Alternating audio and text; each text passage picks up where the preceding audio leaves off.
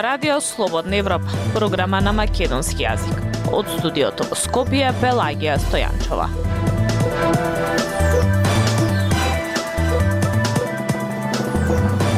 Во денешната емисија на Радио Слободна Европа објавуваме Македонија добива 80 милиони евра од ветениот енергетски пакет на Европската комисија. Кадрите на Алијанса ке директоруваат во над 30 државни институции. Русија започна нов бран на напади ширум Украина. Слушајте не. Независни вести и анализи за иднината на Македонија на Радио Слободна Европа и слободнаевропа.мк. Јавни предпријатија за губари, клиники со милионски долгови и една богата државна фирма наследува новиот владин коалиционен партнер Алијансата за албанците. Новите директори ќе ги заземат позициите на сега веќе опозицијската алтернатива, но и на дел од поддржувачите на огнените од ДУИ. Аналитичарите сметаат дека Алијанса со овие функции ќе ги задоволи партиските апетити. Зорана Гаджевска-Спасовска.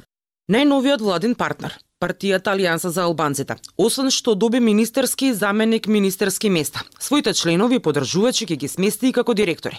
Како што дознава Радио Слободна Европа од партиски извори, станува збор за над 30 на нови директори во државни институции и јавни предпријатија. Тие доаѓаат на местата што ги напушти алтернатива, откако си замина од владата, но и на местата на подржувачите на огнените од ДУИ. Од Алијанса за албанците за Радио Слободна Европа вела дека имињата на директорите на јавните предпријатија и институции кандидатите ќе се објават откако ќе бидат избрани во владата или надлежните министерства. Според досега објавените информации, новите директори ќе ги заземат фотелите во поголемиот дел од презадолжените јавни предпријатија и институции кои до неодамна беа дел од скандали и погодни институции за партиски вработувања. Алијанса ја доби и една од најбогатите институции во земјава каде што просечна плата е 1000 евра.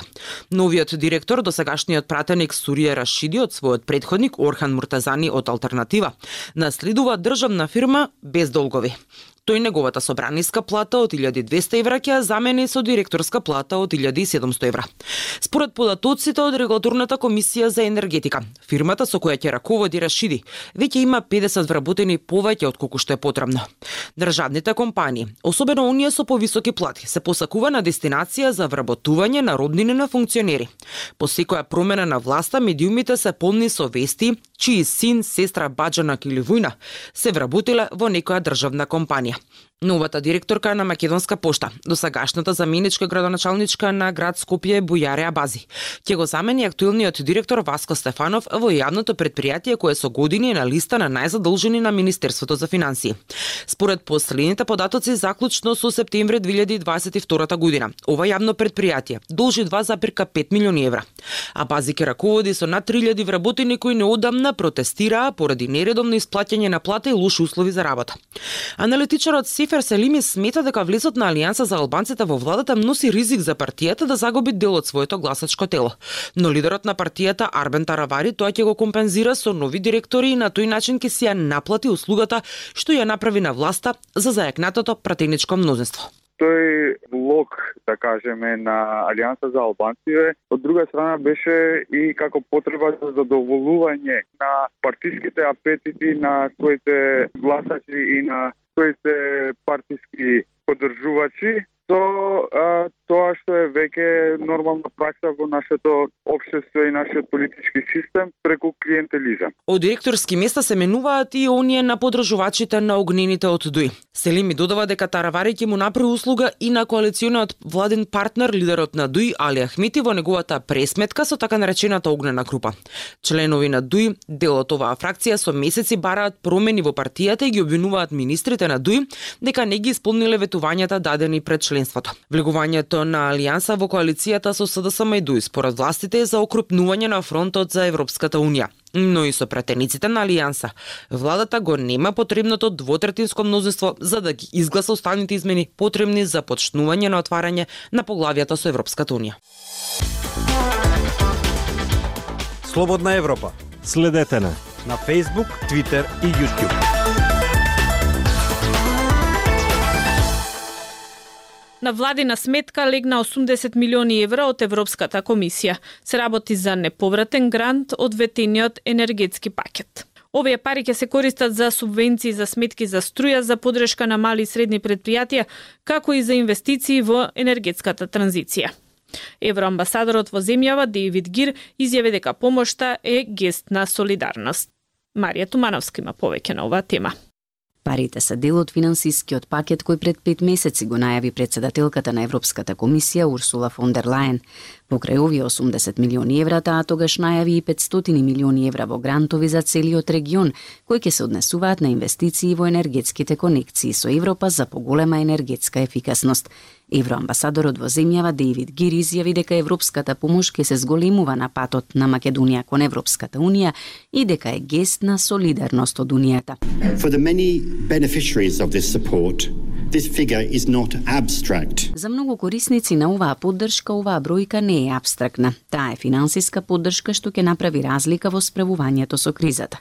Нашите придонеси ги вклучуваат најранливите категории, Околу 172.000 луѓе, пензионери, самохрани родители, невработени кои имаат потреба од социјална заштита, домаќинства, училишта, јавни предпријатија кои обезбедуваат вода како и пречистителни станици, прехрамбени компании и здравствени институции – Ова не се само бројки, туку луѓе кои заслужуваат помош, компании и институции на кои што сите се подпираме, изјави амбасадорот Гир. На новинарско прашање пак дали Брисел е запознат за лица поврзани со висока корупција, откако американската амбасадорка Ангела Агилер соопшти дека едно од две лица ќе бидат на црната листа на САД, Гир рече дека нема увид во поединци кои би можеле да бидат цел на санкции, но ја потенцираше важноста на прашањето за борбата против корупцијата на патот кон унијата. About Тука не се работи за идентификување поединци, туку за промена на системот на институциите да можат да се борат, да се справат со корупцијата и сите да знаат дека не постои толеранција за корупцијата. Тоа е долгорочен процес во кој сите сме вклучени и имаме важна улога. Владата ја има водичката улога, но има и други како граѓанското општество, бизнисите и политичките партии, рече амбасадорот Гир. Премиерот Димитар Ковачевски пак изјави дека грантот е дел од буџетот во делот на антикризните мерки за кои се предвидени уште 225 милиони евра. Овие средства се поддршка за субвенции на граѓаните за сметките за електрична енергија, поддршка за малите и средните предпријатија, за одржување на нивниот бизнис како и за инвестиции на државата во енергетска транзиција во обновливите извори на енергија. Мерките што ги преземавме даваат резултат. Се зголеми производството на струја од домашните капацитети, осигуравме ценовна, ценовна стабилност, што директно влие врз заштитата на стандардот на граѓаните, но и врз стабилизација на инфлацијата. Инаку сумата од 80 милиони евра е дел од поширок пакет вреден 1 милиарда евра наменет за целиот Балкан, кој лани во октомври го најави еврокомесарот за проширување Оливер Вархеј. Ова не е прв пат унијата финансиски да ја помага државата во услови на криза и во текот на 2020-та ЕУ додели грант од 40 милиони евра тогаш за справување со ковид пандемијата. Наши економски проблеми. Ние разговараме за решенија на Радио Слободна Европа. Владата издаде еврообврзница од 500 милиони евра по повисока камата наместо пропаднатата еврообврзница од 600 милиони евра. За да ја компензира повисоката камата, зеде уште 100 милиони евра од Европската комисија по пониска камата. Сепак треба да се обезбедат уште 500 милиони евра од странство. Срегјан Стојанчов. Опозицијата обвинува дека одложувањето на еврообврзницата за еден месец поради тоа што немаше кој да ја подпише ја чинело државата 18 милиони евра. Власта пак се фали дека и покрај доцнењето државата се задолжила според исти каматни трошоци. Министерството за финансии на 6 март соопшти дека е издадена еврообврзница од 500 милиони евра со купонска камата од скоро 7% и рок на отплата од 4 години. Дополнителни 100 милиони евра се обезбедуваат од инструментот за макрофинансиска подршка на Европската комисија по камата од околу 3%. Само за еврообврзницата ќе плаќаме камата по 35 милиони евра годишно во наредните 4 години, односно вкупно 140 милиони евра. Минатиот месец владата издаде еврообврзница од 600 милиони евра на рок од 4 години со камата од 6,25%. Сепак процесот не можеше да се финализира затоа што министерот за правда Никола Тупанчески во меѓувреме поднесе оставка поради реконструкцијата на владата, па немаше кој да ја подпише. За распишувањето на новата еврообврзница се чекаше да заврши реконструкцијата и да се избере нов министер за правда.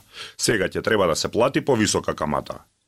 Економските експерти предупредуваат дека откажувањето е несериозен потек со кој се праќа лош сигнал до инвеститорите и оти во повторниот обид Македонија ќе добија полоши кредитни услови што ќе чини земјата милиони евра. Министерството за финансии пак вели и покрај повисоките камати, еврообврзницата сега е помала, а дел од парите обезбедивме од Европската комисија по двојно пониска цена, па ништо не сме изгубиле. Од друга страна се наметнува прашањето зошто тогаш и минатиот месец не се обезбедаа поевтини пари од Европската комисија, туку се одеше на повисока еврообврзница. Македонија годинава ќе треба да поземи уште 500 милиони евра од странство за да ја покрие буџетската дупка. Доколку владата повторно издадеше еврообврзница од 600 милиони евра, каматата за 4 години ќе беше за над 17 милиони евра повисока поради полошите услови. Поранешниот министер за финансии од ВМРО ДПМН е Трајко Славески вели дека со непромислениот потек на владата да почне реконструкција пред да заврши процесот за еврообврзницата е направена милионска штета. И овде јас не би ги ставал во ист кош средствата кои што се добиваат со пополни услови од Европската унија, зборуваме за евроврзницата. Така што мислам дека плативме превисока цена за таа некоординираност меѓу владините ресори. Во, во блиска иднина некој ќе понесе одговорност за оваа штета што е направена државата.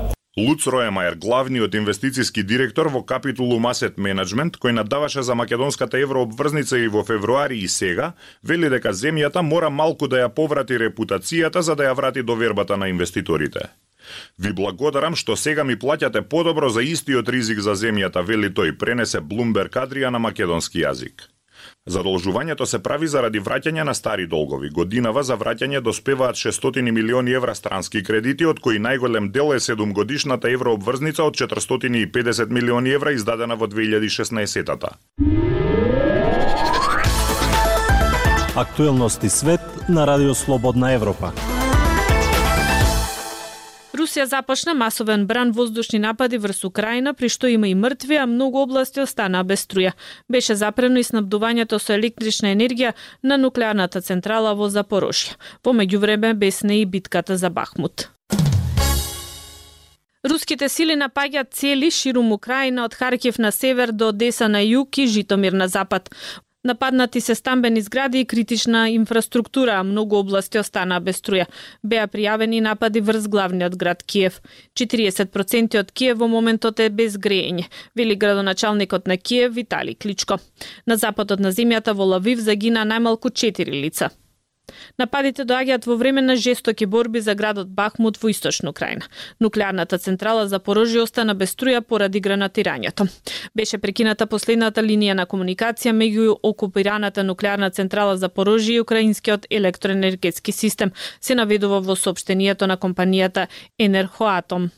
Меѓународната агенција за атомска енергија соопшти дека 8 од 20 дизел генератори во украинската нуклеарна централа обезбедуваат суштинска енергија, откако централата остана без струја по руските ракетни напади. Во соопштенијата на агенцијата се вели дека другите генератори се во режим на подготвеност и дека има доволно дизел за 15 дена работа. Ова е прв централата да изгуби сета моќ од 23 ноември. Генералниот директор на меѓународната агенција Рафел Гроси повторно предупреди за опасност. Секогаш кога играме со оган и ако дозволиме оваа ситуација да продолжи, еден ден среќата ќе ни го заврти грбот.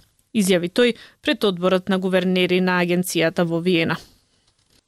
При голем ракетен напад е погоден и енергетски објект во пристанишниот град Одеса, предизвикувајќи прекин на струја, изјави гувернерот Максим Марченко.